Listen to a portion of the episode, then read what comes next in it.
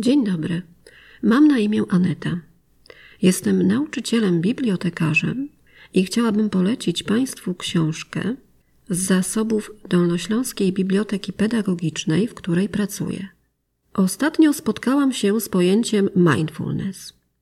Dlatego zainteresowała mnie nowa pozycja w naszych zbiorach pod tytułem Szczęśliwi nauczyciele zmieniają świat.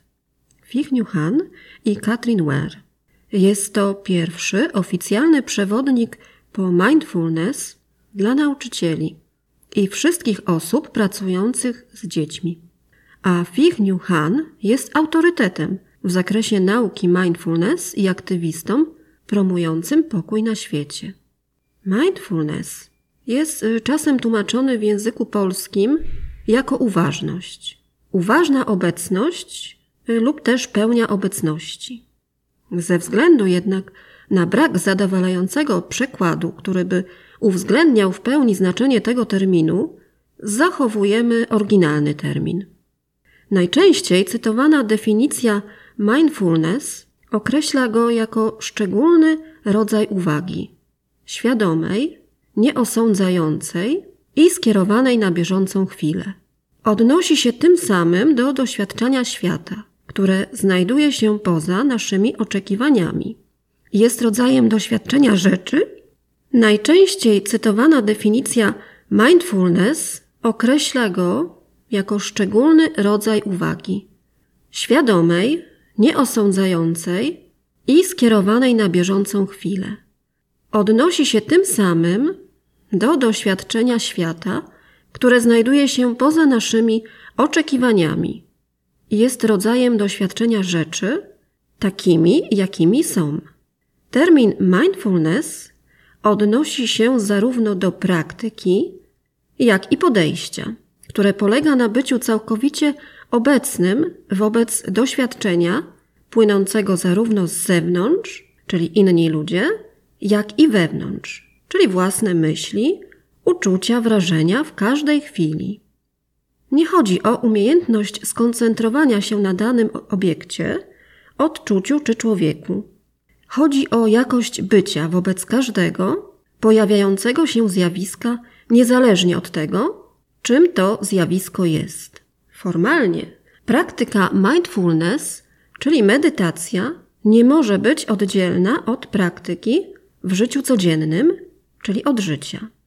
Według recenzji dr Marzyny Żlińskiej w szkole koncentrujemy się zazwyczaj na przekazywaniu wiedzy.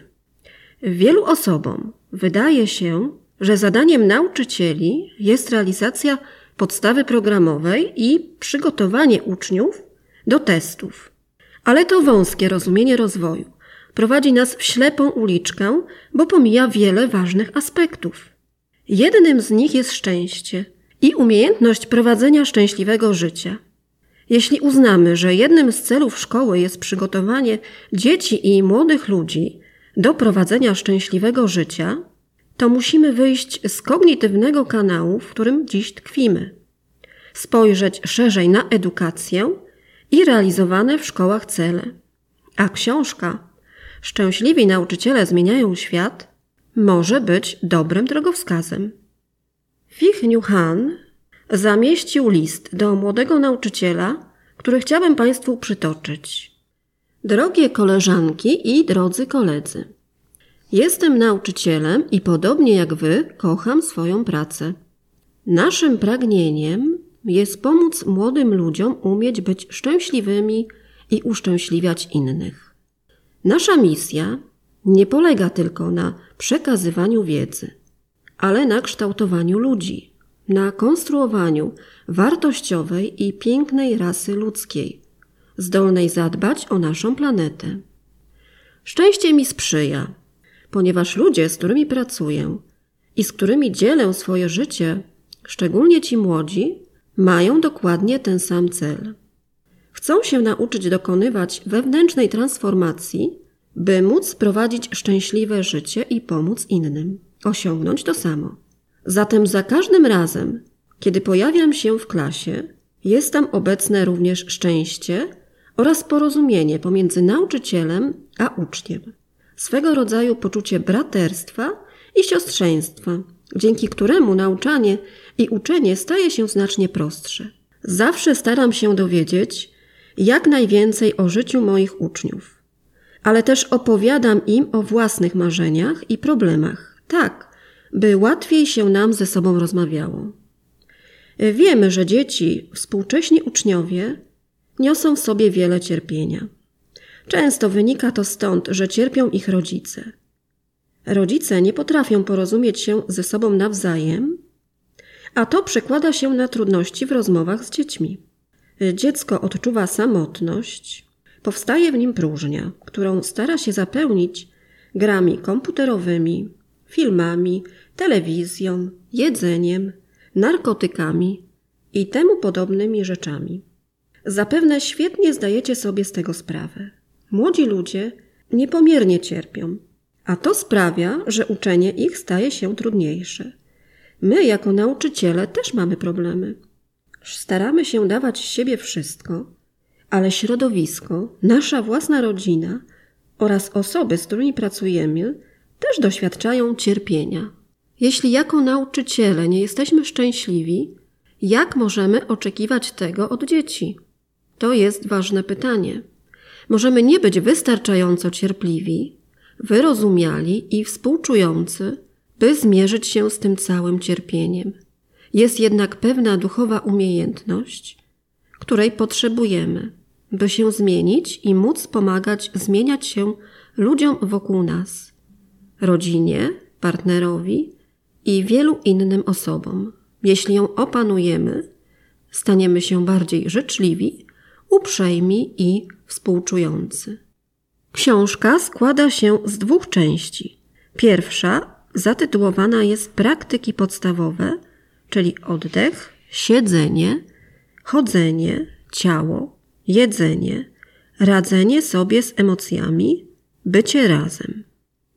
Druga część jest zatytułowana Wszystko razem, czyli kultywowanie mindfulness w sobie, kultywowanie mindfulness w uczniach i klasach, kultywowanie mindfulness w społecznościach szkolnych i uniwersyteckich. Chciałabym Państwu przytoczyć jeszcze fragment jednego z rozdziałów zatytułowany Ciało. Po spędzeniu dwóch godzin przed komputerem można łatwo zapomnieć, że ma się ciało. A kiedy umysł nie jest świadomy ciała, nie możesz być w pełni żywy. Zatracasz się w pracy, zmartwieniach, strachu i we własnych projektach. Świadomy i uważny oddech i sprowadzanie umysłu do domu ciała powodują, że znów stajemy się żywi.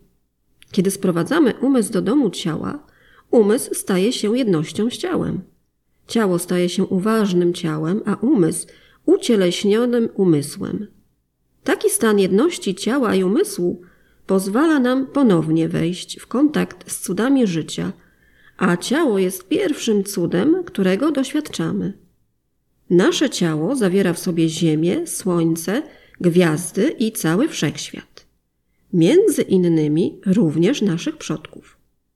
Nie można być szczęśliwym nauczycielem, jeśli się nie wie, jak uwalniać napięcie z ciała.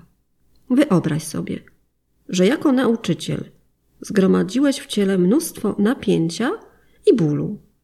Praktyka całkowitej relaksacji może pomóc w uwolnieniu napięcia i zmniejszeniu ilości bólu w ciele, również bólu przewlekłego, ponieważ ból zawsze jest funkcją napięcia.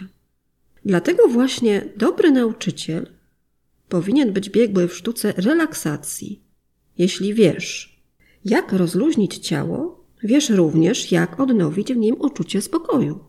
Korzystasz na tym nie tylko ty, ale również twoi uczniowie, koleżanki i koledzy z pracy. Możesz praktykować, powtarzając przy tym, wdychając powietrze, wiem, że mam ciało. Moje ciało jest cudem życia. To bardzo konkretny sposób na cieszenie się faktem posiadania ciała.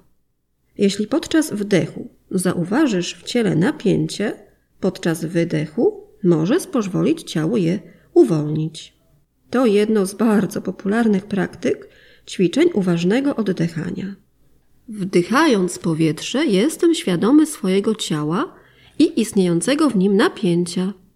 Wydychając powietrze, uwalniam napięcie z ciała. Możesz wykonywać tę praktykę w samochodzie, pociągu lub klasie szkolnej. Możesz zacząć od rozluźnienia mięśni twarzy. Jest tam ich ponad 300, a spięcie nie sprzyja ładnemu i przyjemnemu wyglądowi. Jeśli zrobisz wdech i uśmiechniesz się miękkim uśmiechem, to podczas wydechu możesz uwolnić napięcie z tych 300 mięśni. Możesz nauczyć się rozluźniać te mięśnie podczas dwóch, trzech oddechów. A to inny fragment z książki dotyczący uczniów. Wszyscy nauczyciele życzyliby sobie, żeby ich uczniowie potrafili się koncentrować i kierować uwagę na to, co mają do zrobienia. Przecież to podstawa jakiejkolwiek nauki. Koncentrowanie uwagi aktywnych i impulsywnych młodych ludzi zawsze było wyzwaniem. Lecz we współczesnym cyfrowym świecie, generującym coraz to nowsze metody odwracania uwagi jawnie zachęcającym do nieustannego zmieniania przedmiotu zainteresowania, staje się to coraz trudniejsze. Jak wspomnieliśmy we wstępie, badania naukowe potwierdzają, że mindfulness wspiera proces nauki, pomaga uczniom skupiać się i koncentrować oraz przyglądać procesom zachodzącym wewnątrz umysłu i ciała. Regularna praktyka mindfulness przekłada się na częstsze doświadczenie wewnętrznego spokoju i rozluźnienia, co jest przyjemne samo w sobie i co pozwala umysłowi pracować w warunkach większej jasności. Na końcu książki zamieszczone zostały materiały przydatne w rozwijaniu własnej praktyki i nauczania mindfulness. Informacje i źródła, z których można skorzystać we własnej praktyce lub pracy z uczniami. Są to zasoby online, książki, podręczniki, książki dla dzieci i młodzieży, materiały audio, czyli piosenki, muzyka, filmy i nagrania wideo. Bardzo zachęcam do zapoznania się z tą pozycją, by spróbować zmniejszyć stres w ciężkiej pracy nauczyciela oraz radzić sobie z trudnymi emocjami w szkole. Dziękuję za uwagę.